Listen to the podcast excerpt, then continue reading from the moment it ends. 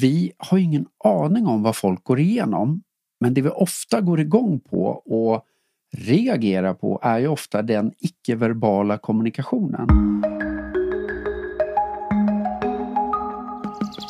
Going Deeper är ett space där vi öppnar upp dörren till vår relation och tillsammans med våra gäster delar vi med oss av de mönster som vi själva har behövt bryta, de rädslor vi behövt möta och de nycklar som guidar oss till att skapa djupare och mer meningsfulla relationer. Vi är här för att ge nya perspektiv och tillsammans med dig vill vi gå djupare.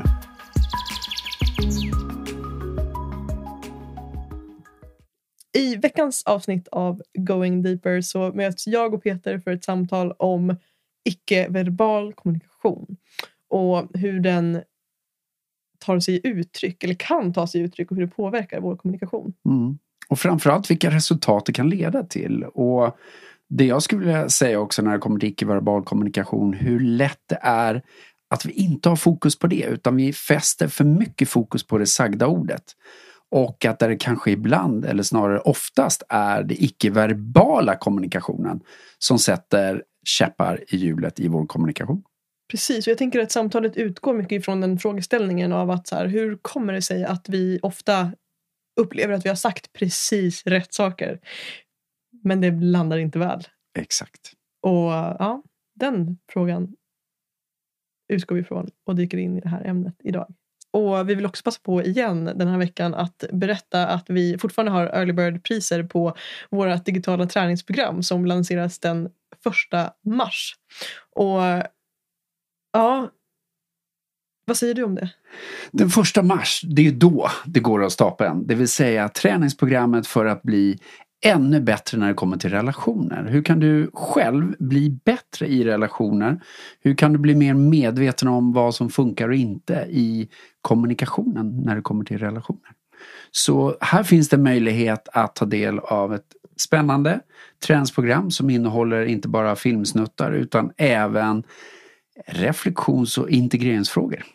Precis, utifrån att vi vill att det här programmet ska bidra till att, att du verkligen direkt ska kunna implementera de här insikterna i ditt eget liv och i dina egna relationer. Så um, in och kolla early bird-priserna ger dig priser som är ja, men 2000 kronor i rabatt gentemot de ordinarie priserna. Så det, det är bra priser. Eh, så in och kolla på länken som finns i det här avsnittet. Och det finns ju olika typer av paket där ett paket också inkluderar eh, coaching med oss. Exakt. Och är ni nyfikna på, det kan man också säga att vi har öppnat upp för att ta emot eh, coachingklienter. Yes. Så är det så att ni är nyfikna att eh, bara komma på coaching så finns även den möjligheten. Ja, behöver inte köpa online. Precis. Välkomna helt enkelt till vad det än är ni önskar. Hej och välkomna till dagens avsnitt. Ja, hej och välkomna. Det här ska ju bli så spännande. Idag ska vi prata om icke-verbal kommunikation och hur det kan påverka oss i våra relationer.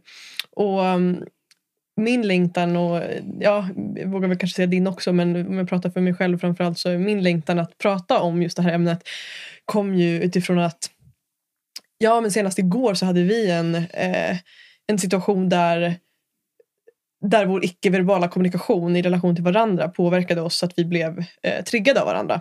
Fast det vi egentligen sa verbalt, inte, det var inte det som var haken. Liksom. Och, mm, och utifrån det så föddes det intressanta samtal oss emellan. Att, eh, ja, men det, där, det är spännande. Att, eh, hur kommer det sig att ibland när vi kanske tycker och tror att vi har sagt rent verbalt precis rätt saker eh, men ändå så landar det inte eller ändå så väcker det triggers eller vad det nu kan vara.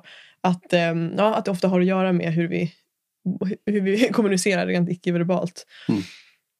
Ja. Så jag tänker ju det, och det här är ju ett spännande område som vi har touchat i emellanåt i olika eh, poddar men aldrig liksom stannat upp i. Så bara det gör ju det här ännu mer intressant. Och eh, vad jag tänker är ju också att intentionen med dagens eh, samtal är ju, som jag ser det i alla fall, att eh, medvetandegöra vår icke-verbala kommunikation och vilka, alltså vilken påverkan och vilka konsekvenser det ändå kan ge i vår kommunikation. För är det någonting jag tycker när det kommer till icke-verbal kommunikation det är att det är så lätt hänt att vi lägger så mycket fokus på vad vi ska säga hela tiden. Och det sagda ordet, att vi inte har förmågan eller vi liksom stannar inte upp i hur vi kommunicerar. Och då är det ju det icke-verbala väldigt ofta skulle jag säga att det spelar väldigt stor roll. Och det finns ju till och med studier i kommunikation, en massa olika studier där de säger att det verbala, det vi säger, utgör egentligen bara mellan 4 till 8 procent av vår kommunikation. Resten är det icke-verbala. Det vill säga kroppsspråk, röstläge, volym, ögonrörelser, allt annat. Och som du säger också att det var ju det vi märkte igår när det hände en incident eh, och det blev lite, ja, en liten fnurra på tråden kan vi väl ändå säga. Och det hade ju egentligen ingenting med vad som sades utan snarare om det, den icke-verbala kommunikationen.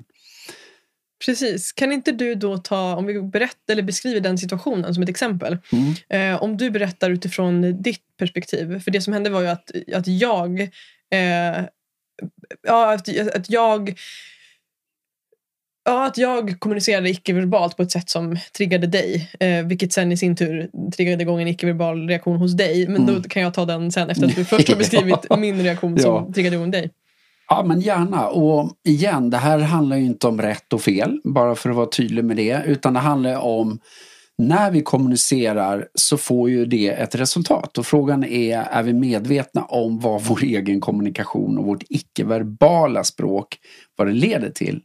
Och om vi då går till gårdagen, så det jag observerade och som jag märkte gjorde att jag re, liksom reagerade, det var att vi höll på att prata om, jag tror att jag var inne och gav eh, positiv feedback på någonting jag tyckte du gjorde extremt bra och jag kanske också tyckte att du inte i min värld att du inte riktigt förstod hur bra du var i just det området. Och när jag pratade om det så, så såg jag helt plötsligt att du, du tittade upp i taket, du suckade och, och liksom sträckte på dig. Eh, vilket gjorde direkt någonting med mig. Som jag uppfattade som att det, liksom, det jag sa, det togs inte emot utan det var bara ah, oh, Det suckades och det tittades bort och, och det blev ett tonläge som gjorde att jag tyckte det raserade allt jag sa. Eh, och det är ju spännande för då hände ju någonting med mig. Vilket gjorde att jag tror att, och det får du snart beskriva vad du såg och hörde, men det jag tror hände med mig var att jag stängde av. Och för att jag inte tror att det blev liksom mottaget och då stängde jag av och då reagerade du. Och då var vi igång. Eh, men det jag tyckte också var spännande det var att vi eller i det läget så drog jag bromsen ganska snabbt. För vad jag tror ofta händer i kommunikation och kanske också när det hettar till det är att vi inte direkt kan sätta fingret på vad det är vi ser och hör. Och framförallt inte i det icke-verbala. Mm. Blev det tydligt med vad jag såg och mm. hörde? Ja, men absolut. Och det som hände var ju, jag tänker nu Alltså för, precis, det, det, du beskriver där att du, din intention var att ge mig positiv feedback på någonting. Eh, och det som hände då var ju precis det som du beskrev rent eh, alltså kroppsligt i mig. Vad, hur jag, liksom att jag suckade och de, de reaktionerna som du beskrev. Eh, och vad det härleddes ifrån var just en känsla av mig som jag också vill knyta an till eh, avsnittet som vi spelade in för ett tag sedan. Eh, Män är från Mars och kvinnor är från Venus. Eh, att eh, det som hände var att jag pratade om någonting där jag eh, där jag känner mig, eh, om ett kontext i mitt liv där jag känner mig osäker. Ehm, där jag eh, ville liksom dela den upplevelsen jag hade och bli sedd i det. Att så här, ah, jag, jag ser och hör att du eh, att, det, att du upplever det så. Eh, men det som jag istället fick var då eh, liksom att du ville försöka övertala mig. Eller min tolkning då blev ju att jag nästan kände så att du försökte övertala mig att så här är det inte. Eh, och din intention var ju i allra högsta grad positiv. För du försökte få mig att inse att så här, men Madde du är ju grym på det där. Varför är du osäker på det? Ehm, men att min upplevelse då av det som du eh, liksom försökt göra blev snarare att så här, okay, han fattar inte. Och du ser inte min verklighet. Eh, det var det som blev min, eh, min känsla. Och det var därifrån det blev det här, åh oh, men gud, oh, alltså, som att så här, gud du fattar ju ingenting. Eh, det, så, det kanske jag inte gjorde då. nej, nej, men, nej och, och jag förstod inte heller vart ifrån du kom i det. Men då är det också så intressant igen det här man kopplar det till både det avsnittet Män från Mars och kvinnor från Venus men också det här med intentioner. Att det som är häftigt då var hur vi båda ganska snabbt kunde fånga oss i det. Att, att jag kunde se att din intention var ju faktiskt att lyfta mig och visa på att liksom den här begränsande tanken jag hade om mig själv, den var kanske inte sann. Medan min intention var att jag ville ha något helt annat utav dig i den stunden. Och då blev det mer som ett, nästan som ett övertramp på mig som gjorde mm. att jag då icke-verbalt så här, åh, suckade och sådär. Mm. Och himlade med ögonen tror jag också till och med att jag gjorde. Um, och, ja, och därifrån så fortsatte ju vårt samtal i, några meningar till och jag tänkte inte, i min känsla i mig var inte att att det var, var någonting som var fel eller att det var någon, någon diskussion som hade uppstått. Men, men, eh, och det var ju det då som du gjorde så bra, att du direkt då fångade, vänta nu, det här väckte någonting i mig, att du eh, nu himlade med ögonen och suckade och eh, pratade snabbare, högre tonläge. Eh, liksom så. Eh, och det som var spännande var ju då att din reaktion på, på mitt, alltså din icke-verbala reaktion på min, mitt icke-verbala eh, eh, kommunikationssätt som jag då hade förmedlat var ju att du, eller min upplevelse var då att precis som du sa, att du stängde av och att det tedde sig liksom ett rent fysiskt, att jag upplevde nästan som att du drog dig längre bort från mig, eh, att du liksom tittade bort, eh, jag tror till och med du blundade vid något tillfälle. Eh, att också så här, ja, någonting i ditt ansikte var som att det, det slocknade. Alltså din energi mm. liksom slocknade. Um, och att ja, också tonläget blev någonting annat. Det var inte det här liksom, kärleksfulla eh, jag älskar dig, vi har det här samtalet och eh, jag har det här samtalet med dig utifrån att komma nära. Utan det var snarare liksom, att det fanns ett, ett avstånd mellan oss.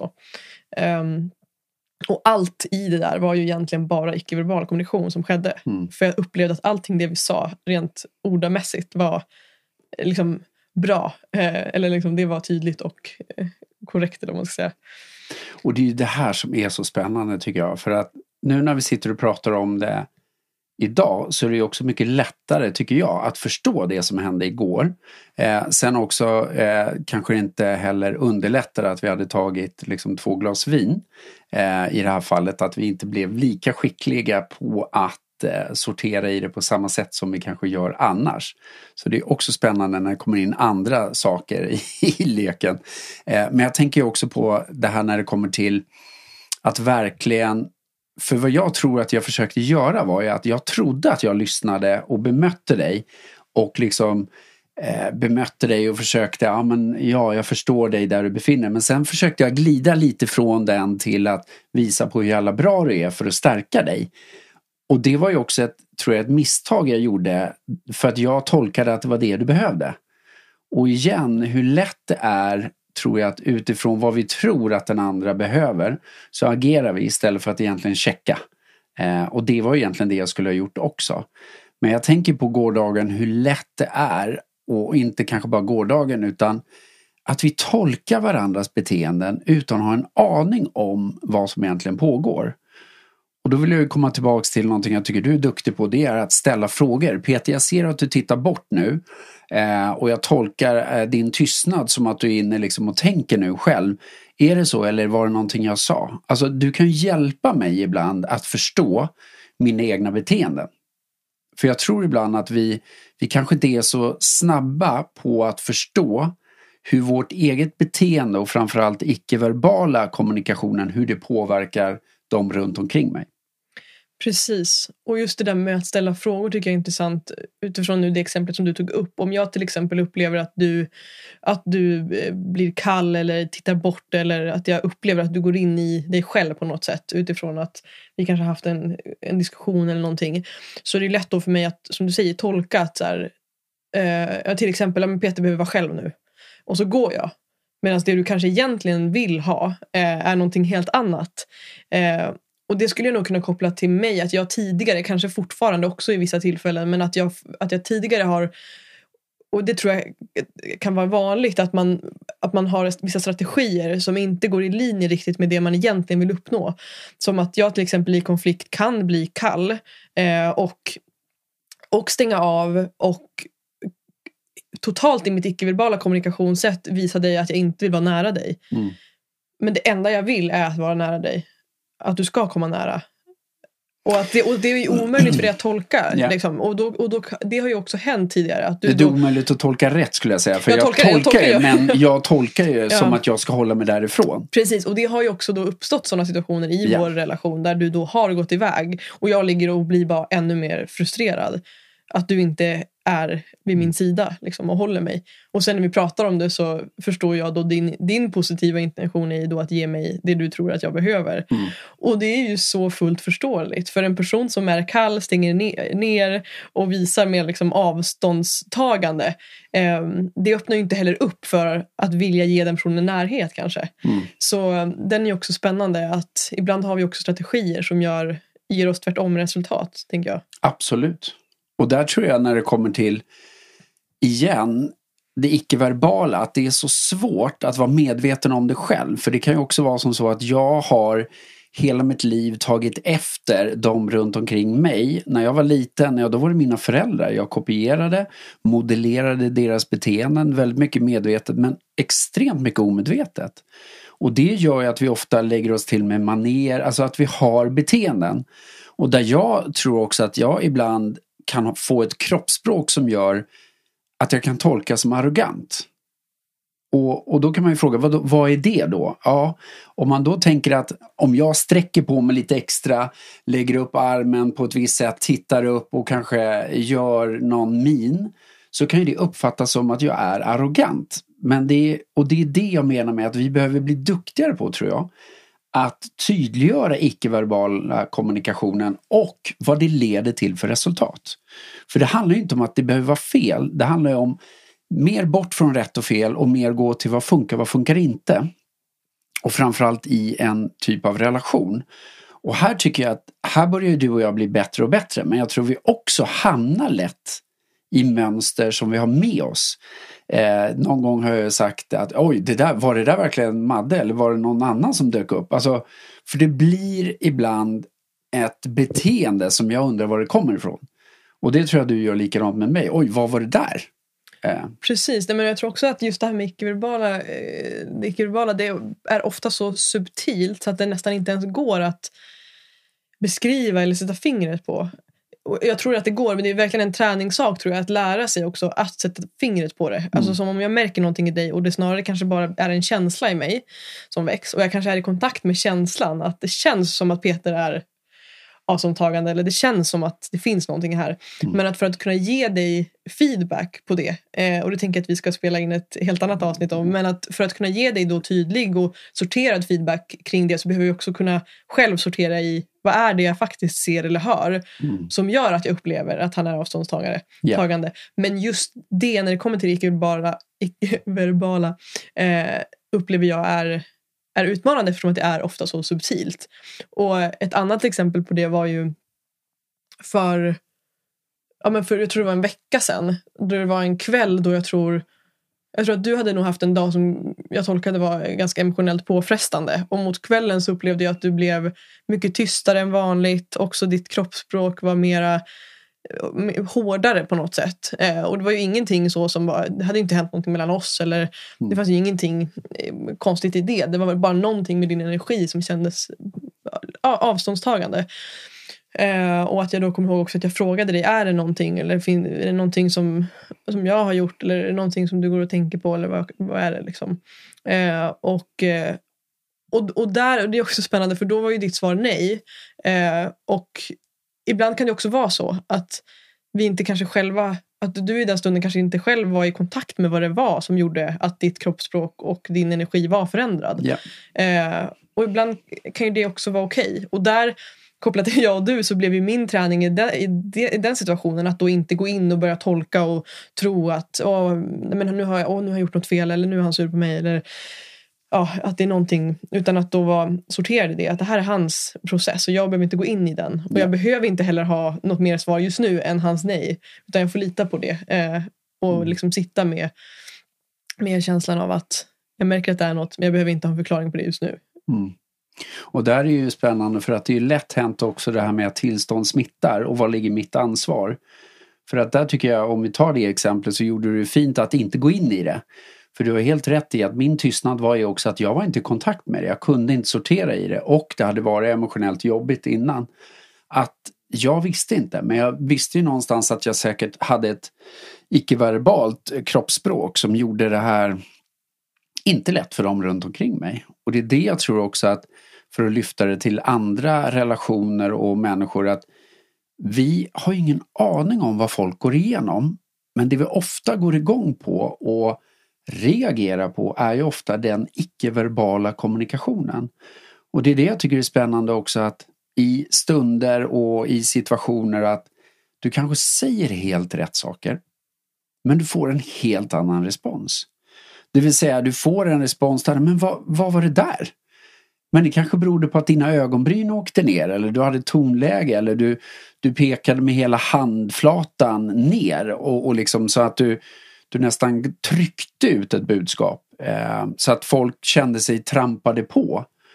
Och den tycker jag är spännande för att för att ta ett exempel som, jag älskar ju den feedbacken jag fick och det här är många många, många år sedan men när jag eh, hade bolag tillsammans med en kollega och vi var ett antal i bolaget så var det en ehm, av de anställda som gav mig feedback och det var en väldigt häftig feedback på tal om det icke-verbala för då hade jag då sagt inför eh, hela företaget så hade jag sagt att i det här bolaget är det viktigt att ni tänker på och uttrycker vad ni tycker, tänker och känner. Och nu hör du till och med att jag säger det med ett visst och liksom... Jag känner mig eh, jättevälkommen. Exakt. och nu skulle ju lyssnarna också se att mina ögonbryn åker ner och jag använder mina handflator ner. Jag försökte vara tydlig och det här tror jag också är en kvarleva från jag är uppvuxen i en polisfamilj och en politikerfamilj där det var, det var väldigt tydligt vissa saker. Och eh, jag hade ju tagit efter det. Så jag tyckte bara jag var tydlig. Eh, men jag fick ingen respons och de sa inte vad de tyckte, tänkte och kände. Och, och efteråt så fick jag frågan av en då anställd som sa Peter, eh, vill du ha lite feedback? Klart jag vill ha det, sa jag med, med det tonläget. Och så sa, så sa hon så här, Peter när du visar handflatan ner och dina ögonbryn åker ner och det tonläget du har när du säger de där sakerna. Då blir jag rädd. Jag vågar inte säga någonting Peter. Det är som att du lägger locket på. Och du vet att den feedbacken fick mig att haja till. Jag hade ju sagt rätt innehållssaker. Men sättet jag sa det på gjorde att locket lades på, tyckte hon. Och det är det här som är så spännande när det kommer till kommunikation. Att förstå att ibland, igen, vi säger rätt saker men hur vi gör det spelar ta med fasen ännu större roll. Precis. Ja, och jag tänker att många konflikter i relationer så en kommentar som, som flyger förbi mitt huvud. Liksom att, men jag har inte gjort något. Jag har inte gjort något. Typ, hur kan du vara sur för mig? Alltså, där, att gå i det försvaret. Och att, så här, ofta kan det ju kännas så. Jag har inte gjort någonting. Nej, och det kanske är just det som är problemet. Och att det är just därför som det blir så viktigt då att kunna sätta fingret på vad, vad, vad i, min, i mitt icke-verbala var det jag gjorde som gjorde att det blev den reaktion det blev. Mm. Um, och precis som du var inne på tidigare också, jag tror att det är svårt själv att vara medveten om det om vi inte blir speglade i det. För att det är så mycket som sitter som är liksom gamla mönster och från att vi har varit små har vi liksom in, nött in det här icke-verbala kommunikationsmönstren. Eh, liksom, så där tror jag att det är så viktigt att, att bli speglad i det och att eh, kanske också jag vet inte, jag tänker att jag har aldrig tidigare varit i en relation med någon vän eller med någon partner eller så där jag har, har blivit speglad i det. Så därför är det här relativt nytt för mig att bli medveten om. Eh, och där tänker jag att det kan vara någonting utifrån min upplevelse nu med dig där vi har, har det spacet där du och jag vi kan ge varandra feedback på det icke-verbala. Att det kanske också är någonting som är tips till lyssnarna att lyfta med eh, till exempel om man har en nära vän som man vill träna på det här med. Att säga det, att jag är öppen för att ta emot feedback om det är någonting du ser i mitt icke-verbala för jag skulle mm. vilja lära, lära mig mer om mina mönster. Mm. Eh, att det skulle kunna vara en sån eh, grej som skulle kunna öppna upp för en ökad medvetenhet om man nu är nyfiken på det och att träna på det med någon. Jag älskar det och, och jag älskar att du också säger spe, alltså ordet spegling. För att i relationer kunna vara duktig på att spegla varandras beteenden är ju också bara att sätta upp en spegel så att jag själv ser och hör. Och det tror jag är så få som verkligen får till och gör det. För att Och du var också inne på någonting och vi har redan sagt att vi ska spela in ett avsnitt om, om mer sorterad feedback och vad feedback innebär. Och jag skulle ändå vilja ta en del i det för du sa det själv här att vad jag tror är lätt hänt i relationer det är att vi slänger oss med tolkningar. Och det tror jag är en fara för att då blir det väldigt diffust och det kan också uppfattas som övertrampande. Det vill säga att Nej men Madde, nu var du en översittare eller nu var du bufflig eller vad det säger ju ingenting egentligen. Jag skulle bara bli mer förbannad om någon sa det till mig. För jag fattar ju inte vad det handlar om. Men om jag kan säga så här att Nej Madeleine, nu när du klev upp på en stol och tittade ner på mig och sen eh, hytte med handen så uppfattar jag som att du blev en översitt. Alltså att jag kan vara tydlig med vad det är jag ser eller hör i dina konkreta beteenden. För att om vi ska börja spegla varandra så tror jag att det är viktigt att förstå att vi, vi får undvika, tycker jag, att komma med tolkningar och mer försöka beskriva vad det är vi ser och hör för att bli duktig på att spegla. Och det var ju det egentligen som hände igår och som jag märker att det är det jag jag kan lättare förändra ett beteende om du speglar och ger mig en sorterad feedback, det vill säga vad du ser eller hör i konkreta beteenden. Sen kan ju du koppla det till en känsla hos dig. För det gör ju också att då fattar jag hur den landar hos dig. Mm. Exakt. Och den tror jag är så jäkla viktig att liksom ha med alla former av relationer. Och det kan ju handla också om när det är en, en familj och när det kommer till barn. Hur lätt hänt det annars är att i familjer och med barn och så vidare att vi, vi kastar oss med benämningar och tolkningar. Men du är ju så här. Eh, och det ser inte jag som en spegling. Det ser jag snarare som ett övertramp. Precis, ja. Och då är vi tillbaks till avsnittet om jag och du-sortering. Att om jag talar om för dig att du är så här, då är det ju det en form av övertramp. Det jag kan istället säga är att när jag ser Madeleine att du gör så här och jag hör dig göra eller säga det här. Ja, då reagerar jag så här och tycker att du, det Precis. är någonting annat. Mm. Exakt, men jag tänker som du säger, vi får spela in ett helt avsnitt om det. Um, kopplat till liksom, sorterad feedback och hur man kan ge det på ett konkret sätt. Så det tänker jag ska få bli ett annat avsnitt. Men en, för att börja träna på det så kan vi ju verkligen skicka med just de två liksom, fokuspunkterna skulle jag vilja säga. Att så här, fundera på att gå från liksom, att gå ifrån att det bara känns som en, att det bara är en känsla, jag känner att du är avståndstagande, till att, ja, som du har varit inne på, vad är det jag ser i ditt beteende och vad är det jag hör i ditt tonläge? Att det är två saker som vi kan skicka med redan nu. Eh, I väntan på ett längre avsnitt om det. Exakt. Mm. Jag tänker när, när det kommer till icke-verbal kommunikation och du själv, vad är den feedbacken när det kommer till icke-verbala och beteenden hos dig. Vad är det som har landat hos dig eller vad är det du mest har tagit till dig? Eh, och det behöver inte vara att det handlar om att jag har gett dig någon feedback. Det kan ju vara någon annan eller du själv har blivit medveten om. Men är det någonting i ditt icke-verbala som du direkt skulle kunna sätta fingret på och säga det här är nog en av mina största lärdomar när det kommer till icke-verbal kommunikation? Mm. Ja, nej, men jag skulle nog säga att mycket av det handlar om eh, jag tror att jag också nämnde det i, i avsnittet med Jessica Ekman som vi spelade in här för, för några veckor sedan. Eh, att jag, jag, upplever att i mig så är det att det som snabbast eh, liksom där jag snabbast tappar masken, det är i mitt icke-verbala kommunikationssätt. Eh, och det har jag märkt tydligast i relation till faktiskt dig. Därför att jag, jag märker att jag rent verbalt har, har varit så nyfiken de senaste åren och, och satt mig så djupt in i liksom hur jag verbalt kan uttrycka mig på olika sätt och hur jag, ja, hur jag pratar. Liksom. Att det, det sitter ganska förankrat i mig. Så att även när vi har eh, diskussioner eller någonting så upplever jag att jag har det, går, det, det, måste gå väldigt långt innan jag skulle börja uttrycka mig på ett sätt som är attackerande mot dig eller att projicera saker på dig. Och att, att det, det kommunikationssättet rent verbalt upplever jag är väldigt förankrat i mig. Så. Eh, och det då som jag upplever inte är lika förankrat det är då som sagt icke-verbala och det jag märker tydligast då där det faller när jag blir triggad eller i konflikter eller diskussioner eller vad det än må vara. Eh, det är då framförallt skulle jag säga mitt tonläge och att jag märker att jag Ja, att jag, kan alltså att jag snabbare låter... Jag vet inte hur jag ska beskriva det, men att jag, jag låter liksom sur på rösten.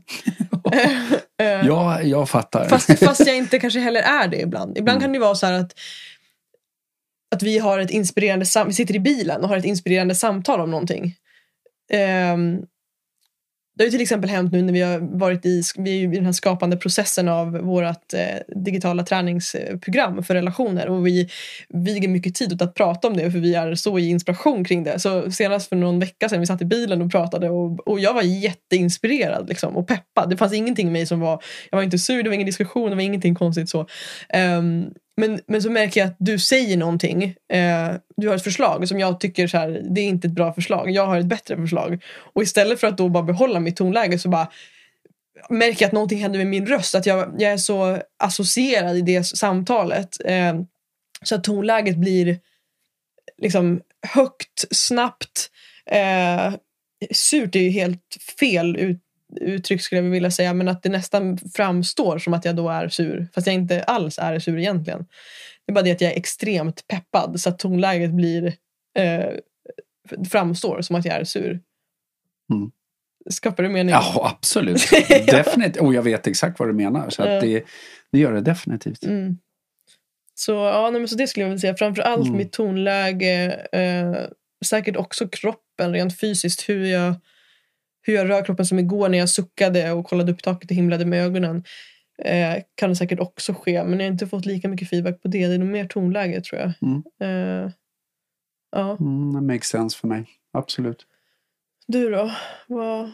Alltså en av de största bitarna, alltså tonläge är en del som jag verkligen försöker jobba mycket med själv. Och jag märker att när jag kanske kan uppfattas som lite mer eh, besserwissrig, då, då har jag ett visst typ av tonläge.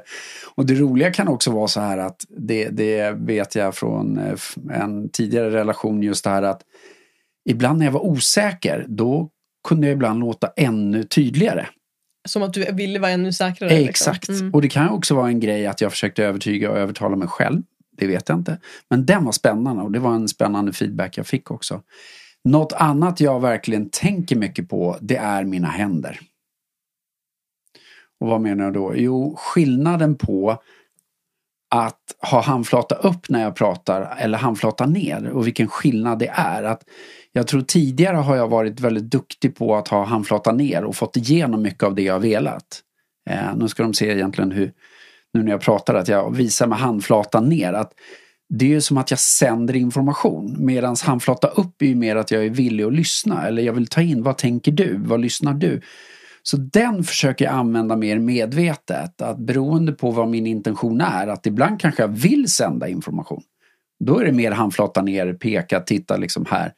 Eh, men ofta kan det ju vara att jag vill höra vad andra tycker och då tränar jag medvetet mer på att ha mina handflator upp för att jag vet tidigare att där har jag haft ett mönster av den lilla polisen inom mig som istället ville sända istället för att lyssna in.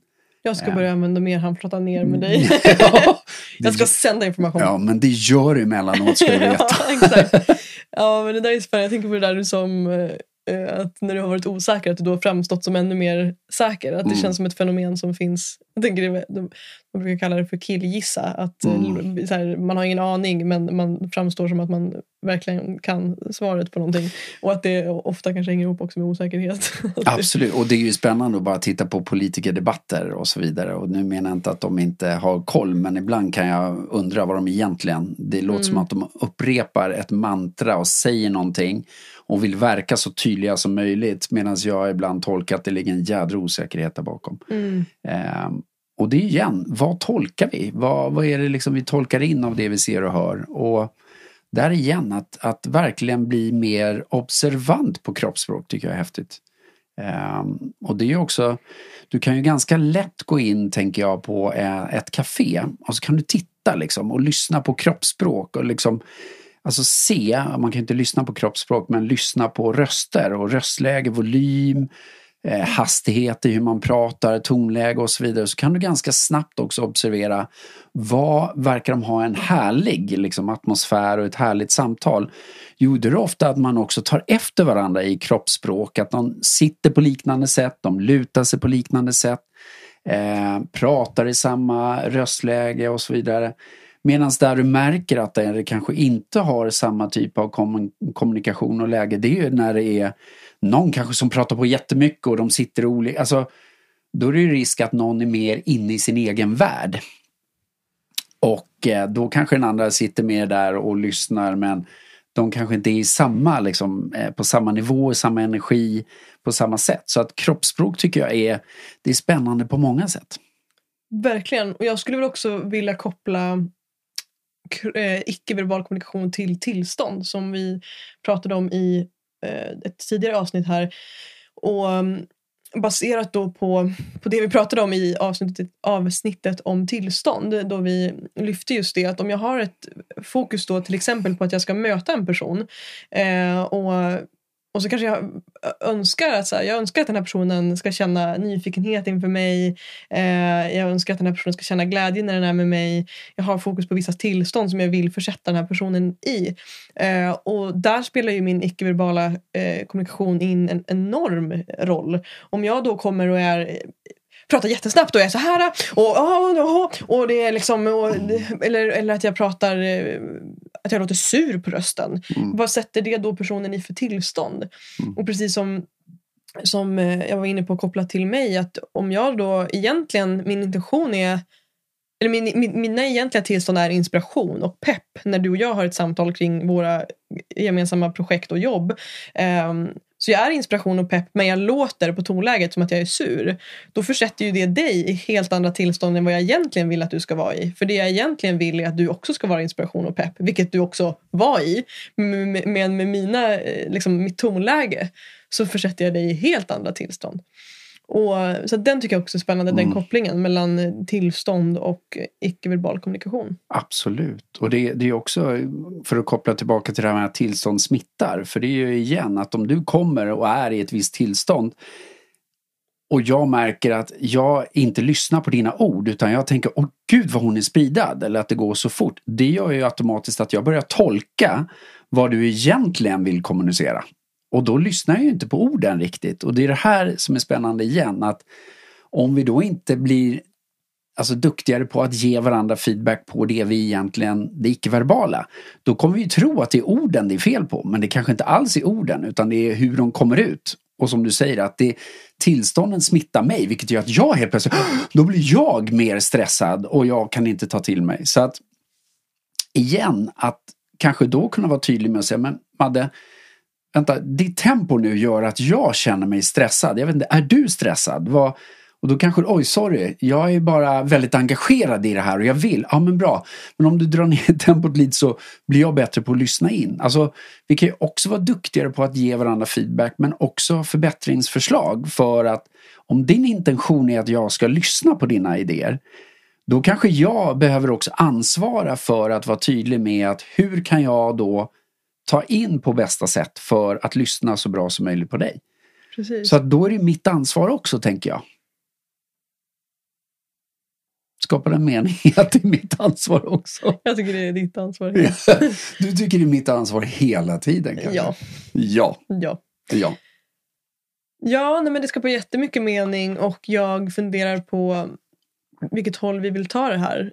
Jag eh, känner att vi är på ett fint spår och undrar vart vi vart vi är på väg. Är på väg. Det är så vanligt med våra poddsamtal att vi, vi har ett ämne men vi har inte tagit mer tydligt vad det egentligen är vi ska ta upp utan det, det blir ett flow och det, blir, det visar sig vart vi är på väg tänker jag. Jag har ju inte ens en aning om hur länge vi har pratat nu och då ser jag att det är 35-40 minuter. Bra där. Ja, men då kan vi fortsätta. Då är det ingen brådska. Vi kör. Jag skulle vilja fråga dig om du har några konkreta tips till personer som vill utveckla sin icke-verbala kommunikation. Mm. Oj. Jättebra fråga och det finns ju massa saker i det.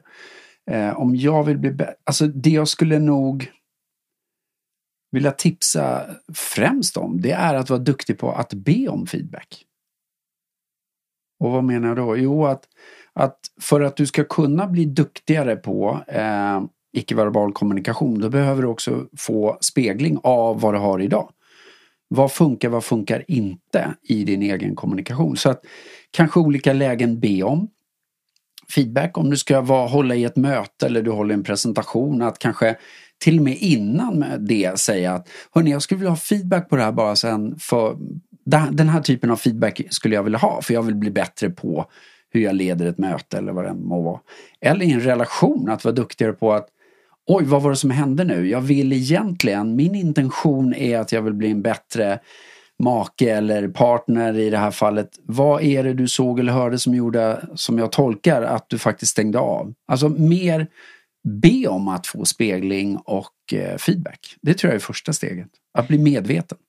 Precis, och om det är inför ett speciellt kontext som du beskrev som till exempel en presentation eller ett möte eller, eller något sånt så kan det ju vara viktigt också som du säger att vara tydlig med vilken typ av feedback vi yes. vill ha. För det är ofta tänker jag att man kanske uttrycker en önskan om att kan du ge mig feedback på det här? Men det finns så mycket olika typer av nivåer på feedback. Mm. Feedback kan ju vara på en, ett plan av att så här, var din magkänsla bra eller dålig? Eh, liksom var det här tummen upp, tummen ner? Eller som, som vi kanske nu är inne på då snarare hur är mitt tonläge? Eh, hur är min hållning? Hur rör jag mig framför människor? Alltså att mm. vi typ blir tydligare med vad vi vill ha feedback på också. Mm. Ett annat sätt som dyker upp när du frågar det, det är också om vi pratar om spegling, det är att faktiskt stå framför spegeln emellanåt. Testa på och liksom vad är det du ser eller hör om du fiktivt pratar eller säger någonting framför spegeln? Hur skulle du säga det i vanliga fall? Om en person eller din partner eller kollega eller vän stod där. Hur skulle du göra? Och titta på hur det ser ut. Mm. För igen, det är den här subtila kommunikationen jag tycker är så spännande. att Det handlar om att du, oj, där rörde du ögonbrynet så eller dina ögon gick hela tiden mot att titta mot dörren istället för att titta mig i ögonen vilket gjorde att jag tolkade att du hela tiden var på väg mot någonting annat, mot nästa möte. Alltså, det är så snabbt hänt menar jag att vi går igång och vi misstolkar saker. Eh, för att du tittade på dörren kanske beror på något helt annat tänker jag. Precis. Något som kommer till mig nu när jag hör dig prata är också att koppla att koppla Eh, alltså att icke-verbal kommunikation handlar ju inte heller bara om hur jag kommunicerar med andra Nej. utan också hur jag kommunicerar med mig själv. Och eh, då tänker jag till exempel på, eh, jag vet att Tony Robbins på hans event ofta ställer den frågan till publiken. Att eh, kan ni beskriva hur en, eh, how, depressed, how does a depressed person behave and look like? Och, och så räcker folk upp handen och ja, the depressed person kan man ju tycka kanske är lite ett extremt eh, exempel men låt oss ta en ledsen person eller ja, mm. vad det nu kan vara. Eh, och, och alla då eh, liksom är ju samklangiga i att så här, eh, personen har kanske axlarna neråt, eh, tonläget är troligtvis långsammare, man kanske har ett djupare ton, mm. alltså man, volymen på rösten är dovare. Mm långsammare tempo, Titta långsammare rörelser. Höger. Ja. Mm. Um, och sen då nästa fråga, hur, ja, tell me how does an excited, an excited person look like? Och alltså då på svenska, hur, hur ser en exalterad person ut? Mm. Hur, ser du det, hur ser du att en person är exalterad? Och då Eh, så svarar ju publiken eh, såklart igen då i liksom samklang att eh, tonläget är... Eh, volymen är lite högre, eh, tonläget är kanske lite mm, liksom, vad säger man, klarare klang på rösten, eh, snabbare tempo, eh, snabbare rörelser, eh, piggare blick, vad mer kan vi säga? Ja, rakare hållning, kanske rakare axlar mm. eller rakare rygg. ja, vissa saker som vi då kan förknippa med olika tillstånd. Mm. Och att det här är också då ett sätt att kommunicera med mig själv. Så om jag då till exempel eh, befinner mig i ett tillstånd av att jag eh, känner mig trött till exempel. Mm. Och har känt mig trött flera dagar i rad. Och så här, jag sover ju väldigt mycket men jag är fortfarande trött. Att då också fråga sig själv, på vilket sätt kommunicerar min, jag med min kropp till mig själv att jag är trött? Och finns det möjlighet för mig att kommunicera eh, liksom genom min kropp till mig själv på ett annat sätt som kanske försätter mig i andra Mm. tillstånd.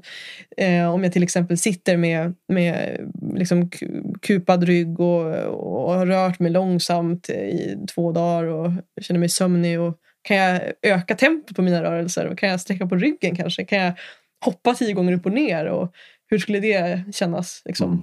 Så att det, ja, påminnelsen om att det icke-verbala är också ett sätt att kommunicera med sig själv på Oh, som ja. vi kan bli eh, också ganska skillade på om vi blir Mm. medvetna om det. Och jag gillar verkligen det du säger för att det, det handlar ju också om att ibland observera mitt icke-verbala språk. Exempelvis om jag har känt mig deprimerad eller varit nere. Då kommer ju då, automatiskt så märker jag att jag går ju och tittar mer ner. Liksom axlarna hänger lite mer. Min kroppshållning är inte den där ståtliga framåt bröst och så vidare. Och det, det jag märker är också att om du och jag går ut och tar en promenad eller jag tvingas att titta upp för att titta och speciellt att gå i skogen då tvingar jag mig själv att titta upp för jag måste liksom se vart är vi på väg. Då märker jag också hur det kan förändra mina egna tillstånd. Så att den är ju jättespännande tycker jag. Och en annan del av det här är ju också att, att jag älskar att observera mig själv och då kan jag se så här i vissa samtal Eh, om jag mött några och liksom, det kanske är någon mingelparty eller någon, någon eh, nätverksträff eller vad det än må vara.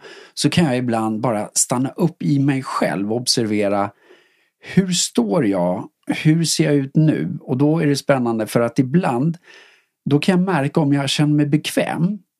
Då har mina fötter ett visst, en viss form. De pekar åt liksom kanske mitt emot personen som jag trivs att stå med och så vidare.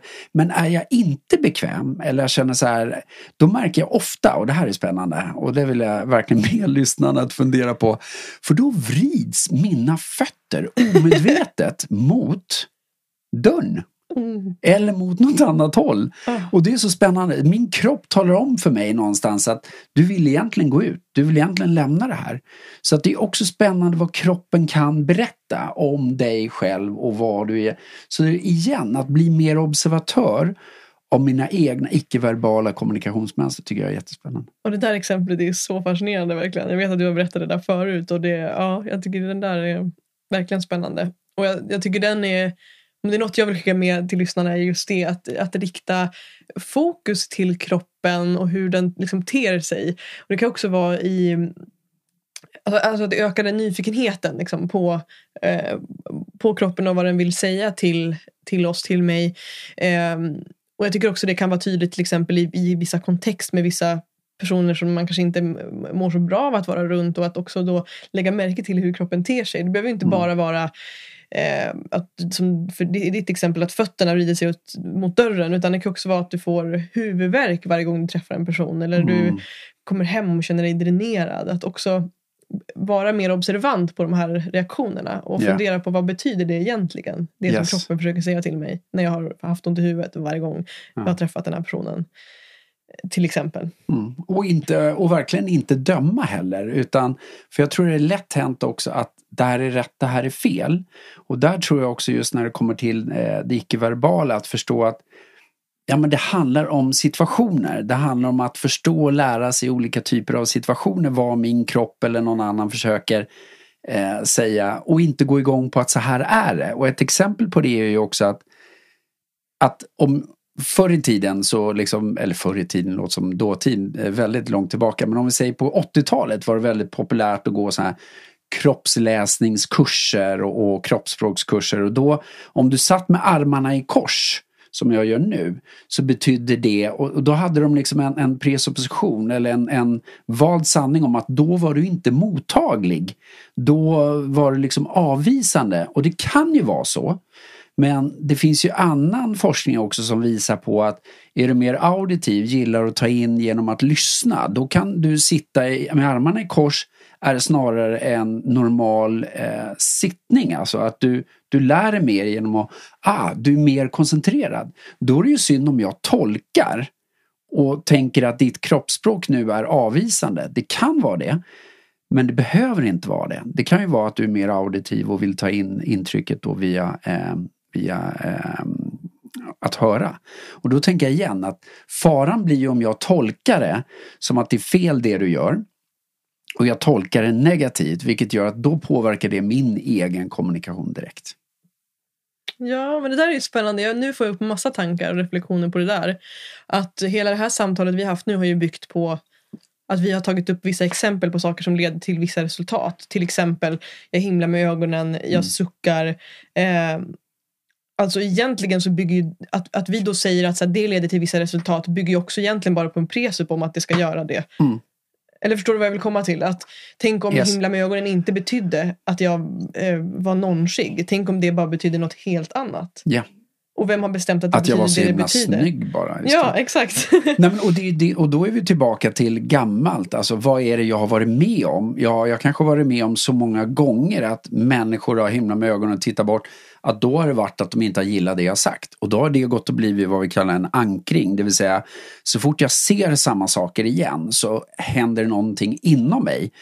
Och det är som du säger, det behöver inte handla om att det är så du tänker och det är det du tycker. Men min hjärna tickar igång på det. Och då är det det jag behöver vara observant på igen. Så jag håller verkligen med dig. Exakt.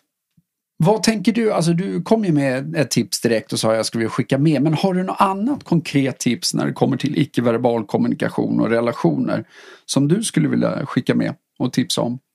Mm, jag tror att um, jag har nog ingenting nytt som kommer upp. Däremot så tänker jag att jag kan knyta ihop de tips som jag upplever eller som jag kommer ihåg att vi redan har sagt. Och det är väl de, de tre jag tänker på är att, att eh, att eh, våga be om feedback.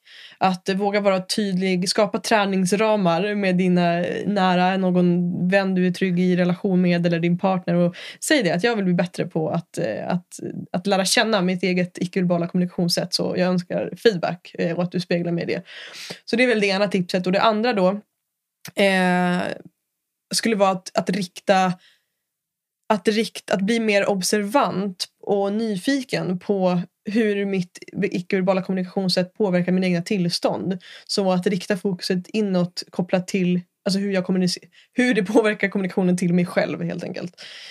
Um, och det tredje, vad var det vi tog upp? Nu har jag glömt bort det. Jag som skulle knyta ihop säcken.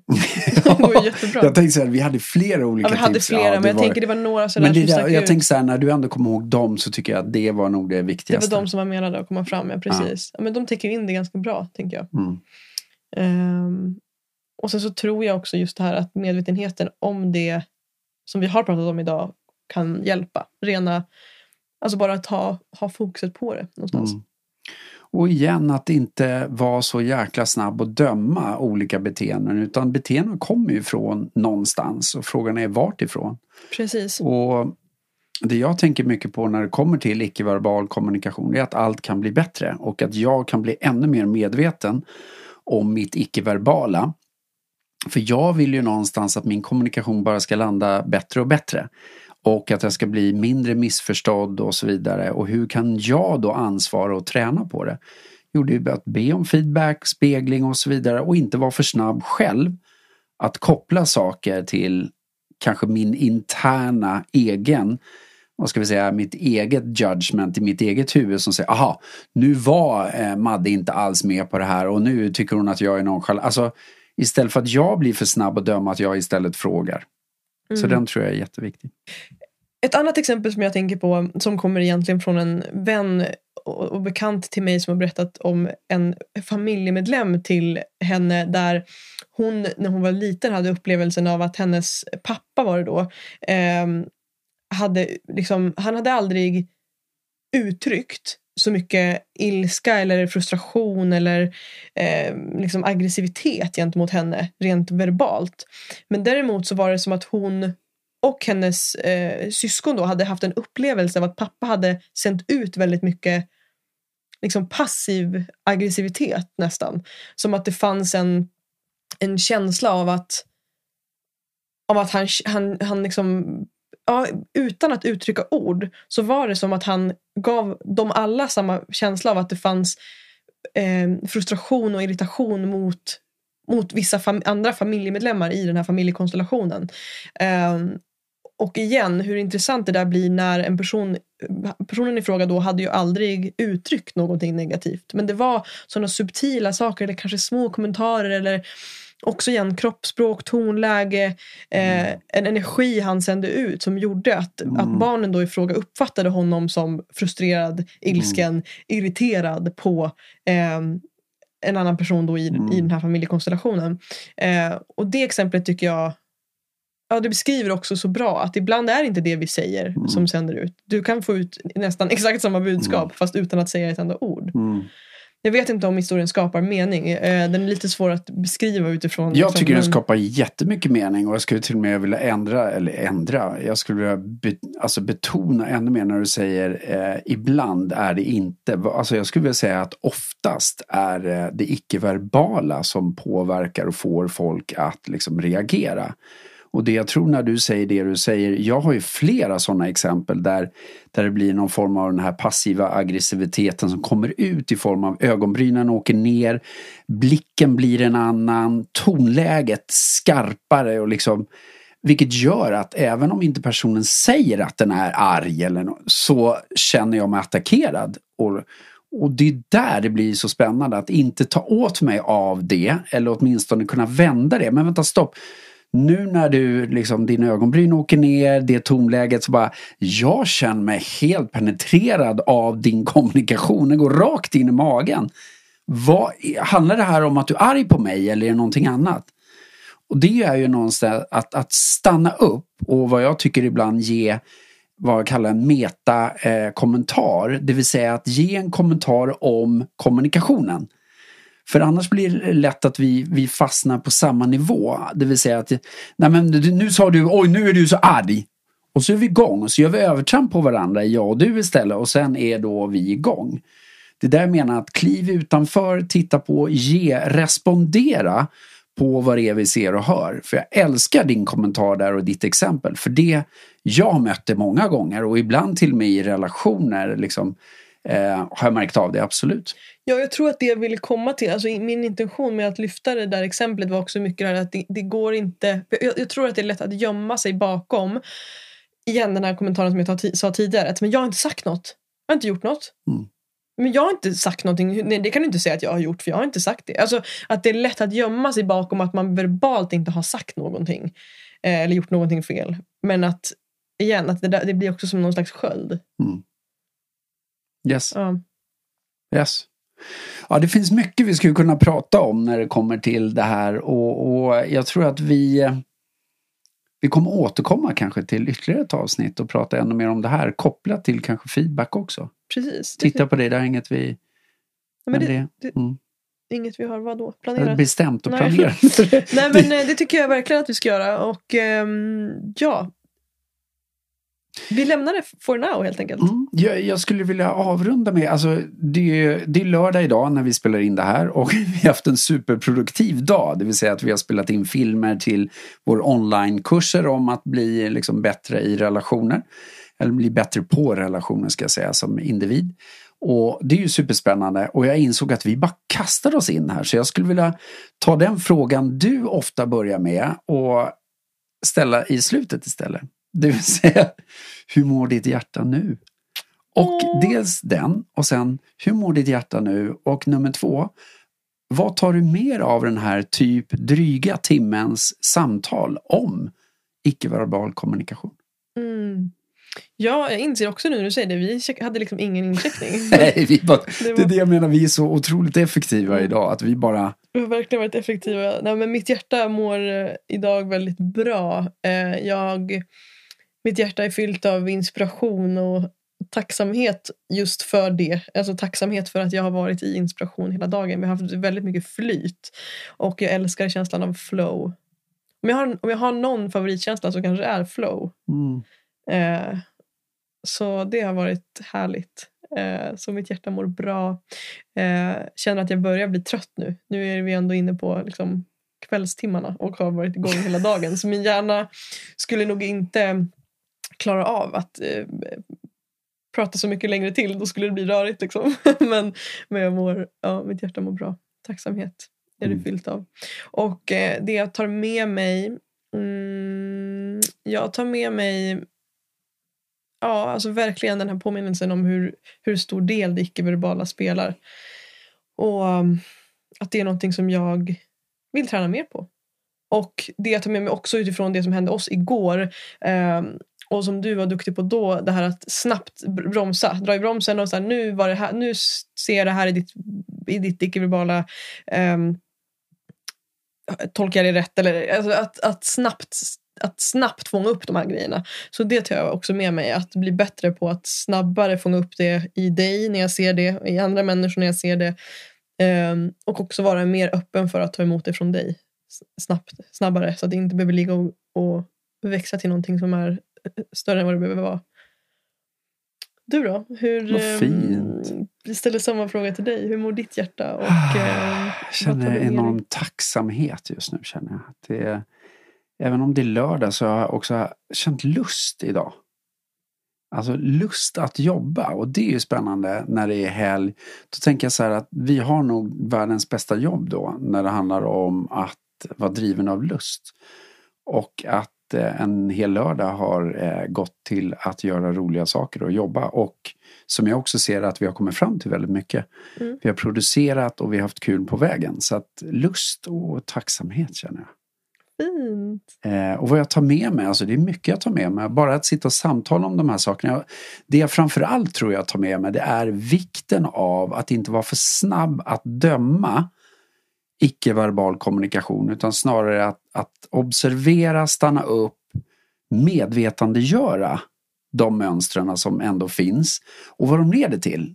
Och i det spegla. Den, alltså, det finns en jättekraft i det och jag önskar och hoppas att lyssnarna och många fler inser vikten och kraften i icke-verbal kommunikation. Så skulle jag säga. Precis. Precis säger jag. Som att, ja, som att vadå? Ja men det är ja. bra. Nej men fint vill jag säga. Ni ser min hjärna är lite bränd här nu. Um, som alltid så ser vi fram emot att höra från dig som lyssnar. Och ehm, ja, Jag känner mig extra nyfiken idag att höra hur det här landar. Jag har mm. någon bild av att det här kan vara värdefullt. Mm. Uh, så jag blir nyfiken och vill välkomna er alla att höra av er. Och det tycker jag, om jag får säga det också, att vi får ju väldigt mycket häftig feedback på våra avsnitt och specifik feedback, vilket jag älskar. Så hör gärna av er. Vad, vad väcker det här? Precis, fortsätt höra av er och ni som inte hört av er, hör av er. Eh, vad väcker hos er? Får ni tankar, idéer? Eh, ja, och sen vill jag igen rekommendera att gå in och läs mer om våra onlinekurser som är det finns lite olika prissättningar i dem, hur du vill gå och det finns möjlighet att gå och dessutom få lite eh, personlig coaching av oss också, vilket är kul. att eh, ja, Det finns häftiga saker att upptäcka helt enkelt. Så med det, har vi något mer att säga? Nej, tack och hej. Ha en ja. fin... Eh, ha det bra! Tack till dig som har varit med oss idag. Vi är så nyfikna på hur det här landar i dig. Vilka tankar, insikter, frågor och kanske till och med triggers väcks inom dig. Det betyder enormt mycket för oss att få ta del av dina processer och vi ser fram emot att höra från just dig. Skulle du vara intresserad av att gå ännu djupare och fortsätta det här samtalet så har vi också skapat en Facebookgrupp för att samlas och connecta. Och du hittar den genom länken som finns i beskrivningen till det här samtalet. Ett annat sätt att hjälpa oss att sprida samtalet vidare och att hjälpa oss att vara en del i att skapa en mer nyfiken och öppen värld är att posta det här på din story och helt enkelt visa att det här är perspektiv och samtal som behöver lyftas. Än en gång, tack till dig som är här med oss.